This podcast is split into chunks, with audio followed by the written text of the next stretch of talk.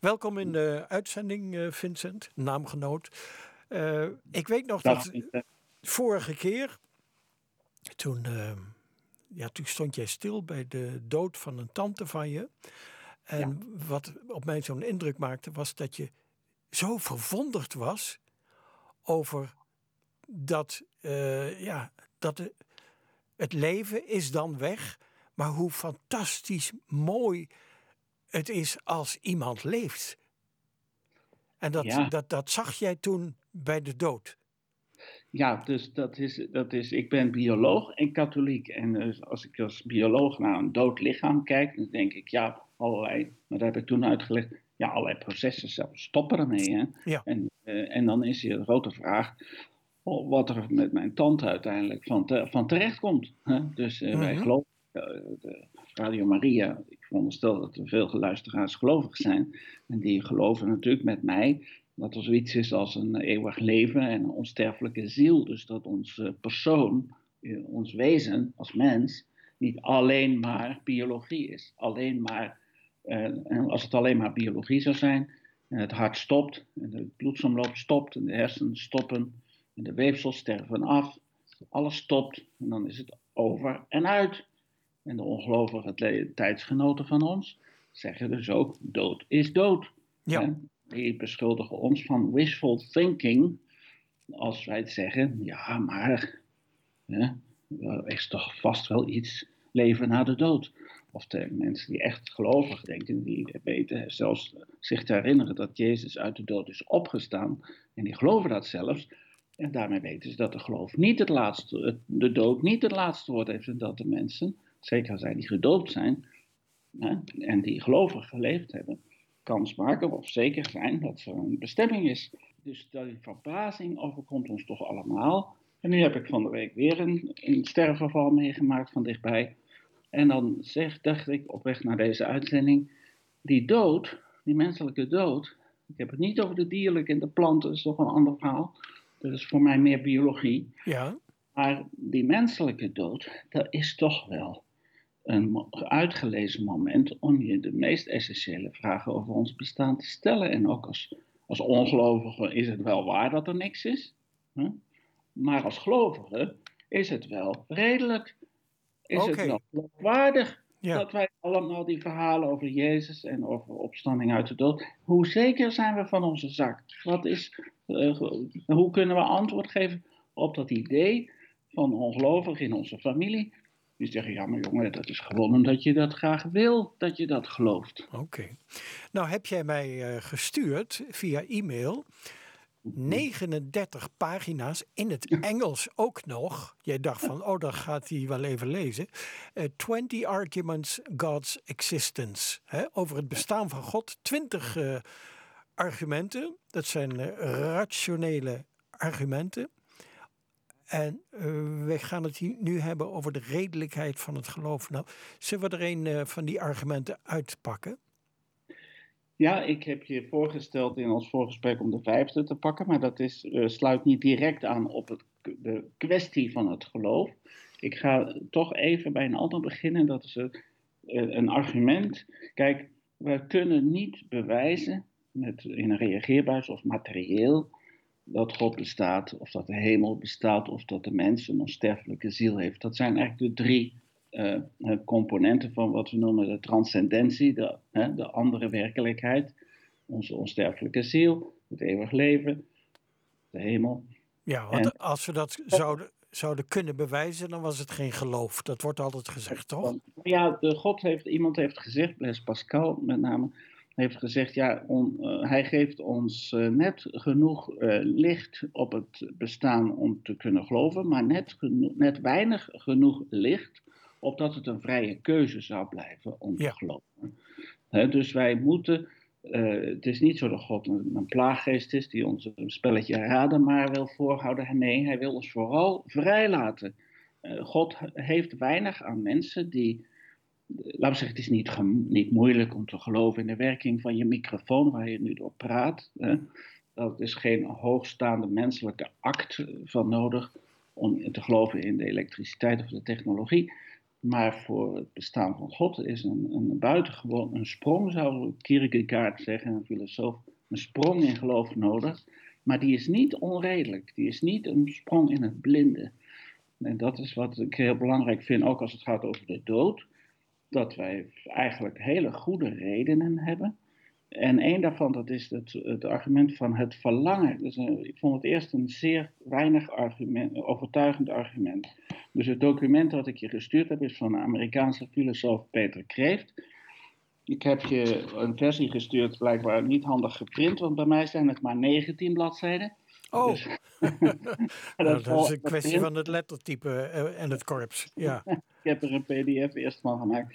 Maar dat is die, Peter Kreeft is een vooraanstaande katholieke filosoof in de Verenigde Staten. Uh, en die heeft twintig argumenten gefunctie, uh, op basis van Thomas van Aquino. Die had er al vijf geschreven. En dan nog andere bronnen heeft hij twintig argumenten bij elkaar verzameld. Uit de geschiedenis van de filosofie, de christelijke filosofie, over waarom het redelijker is om te geloven in de sterfelijkheid van een ziel, in de, het eeuwig leven, in het bestaan van God, dan niet. Dus dat het een beetje dom is, zoals Psalm 14 geloof ik zegt, alleen de dwaas zegt dat God niet bestaat. Dus dat is heel interessant, maar dan is het voor ons gelovigen, voor de gelovigen is het dus ook wel interessant, juist in ons gesprek met de ongelovige wereld, waar we goed, meer dan 50% van de Nederlanders is ongelovig, heb ik pas in de krant gelezen. Ja, ja. Dat betekent dat wij uh, werk aan de winkel, hè, luisteraars, werk aan de winkel. Wij moeten ons geloof kunnen uitleggen. Wij moeten die redenen waarom wij geloven wel een beetje oefenen. Nou, één daarvan is het argument van het verlangen. Dat is een beetje vreemd, maar het werkt zo. Stel, je gaat na welke verlangens je als mens hebt in het leven. En dat bedoel ik niet onredelijke verlangens, ik wil een Rolls Royce met gouden wieldoppen en liefst 12 op een rij. Snap je? Dat is zijn verlangens waarvan je zegt dat is niet helemaal redelijk, dat is een beetje over de top. Hè? Maar u hebt misschien wel verlangen vanavond om een uur of zes in een lekkere hap eten.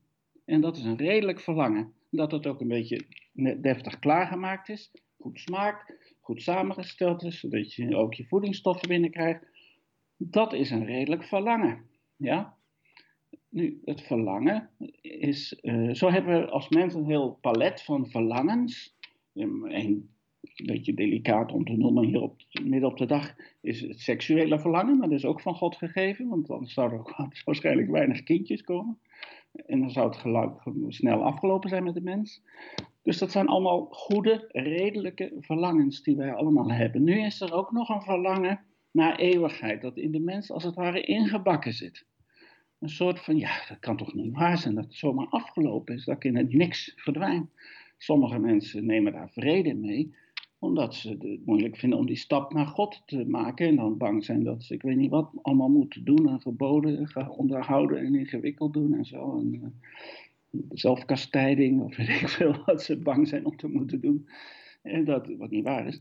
En nee, dus dat, dat die het feit dat wij dat verlangen hebben, zegt de filosoof, is geen bewijs voor het bestaan van God, maar wel een reden om te geloven dat het ook bestaat. Want het is niet zo'n onredelijk verlangen. Het is eigenlijk voor een mens die bewust is van zijn zijn, hè, zijn er zijn, is het best wel een beetje gek, mag ik het zo uitnoemen, dat het met jou en mij afgelopen zou zijn.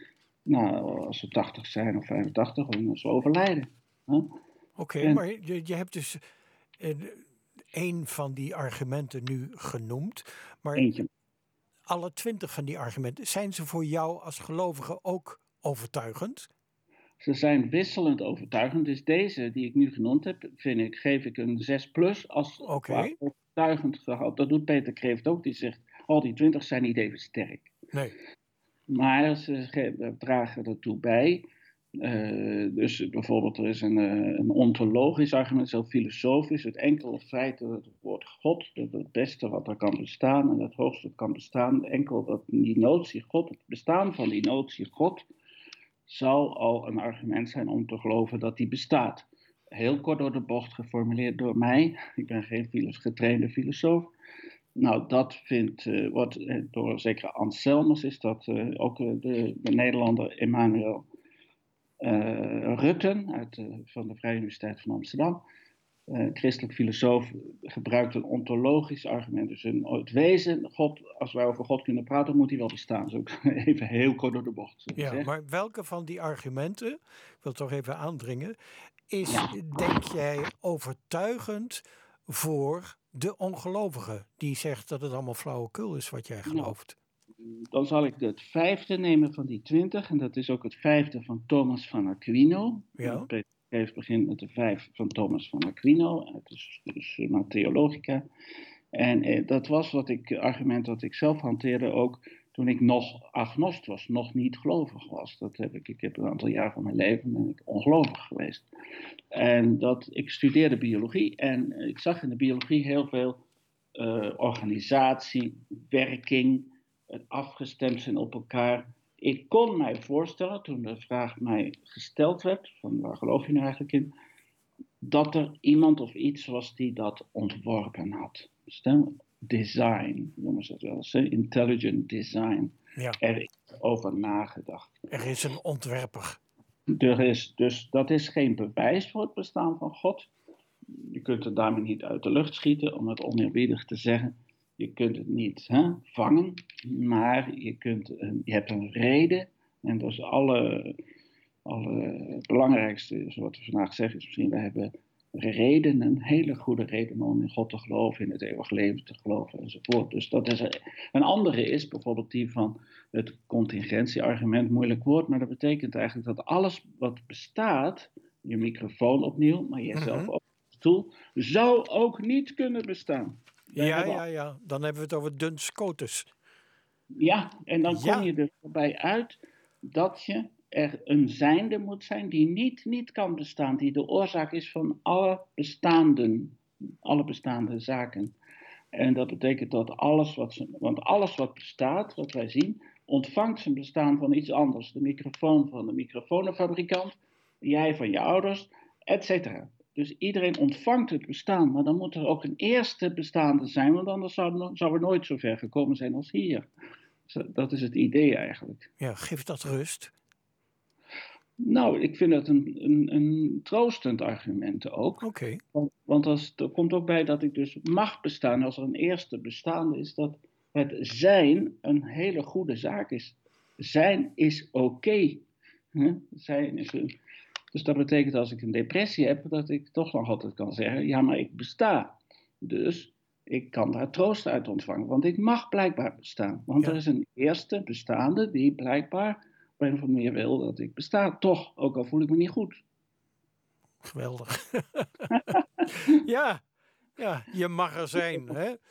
Het, uh, lijkt wel een liedje. Oké, die, uh, al die andere argumenten, kunnen we die ergens uh, vinden, behalve dan in mijn e-mail postvakje? Ja, die kun je vinden bij Peter Kreeft, je zegt het op zijn Nederlands. Oké. Dan moet je in het Engels 20 argumenten voor het bestaan van God, maar dan in het Engels. 20 arguments in the, for the existence of God. En als je dat googelt, dan krijg je die zonder twijfel in beeld. Oké, en via een vertaalprogramma kun je dat ook in het Nederlands krijgen? Ah, uh, ik zou het echt een keer moeten vertalen. Ja, oké. Nou, heel hartelijk dank. En uh, ik zou zeggen tot de uh, volgende keer. Tot volgende keer, Vincent. En we blijven redelijk geloven, of niet? Nou, ik vind dat belangrijk voor onze tijd. Ja, niet ja. zomaar devoot zijn is goed, maar moet wel redelijk zijn. Heel helder. Dankjewel, Vincent Kemme van Biofides www.biofides.org. ORG, juist, dat was hem. Dankjewel. Dag. Dag.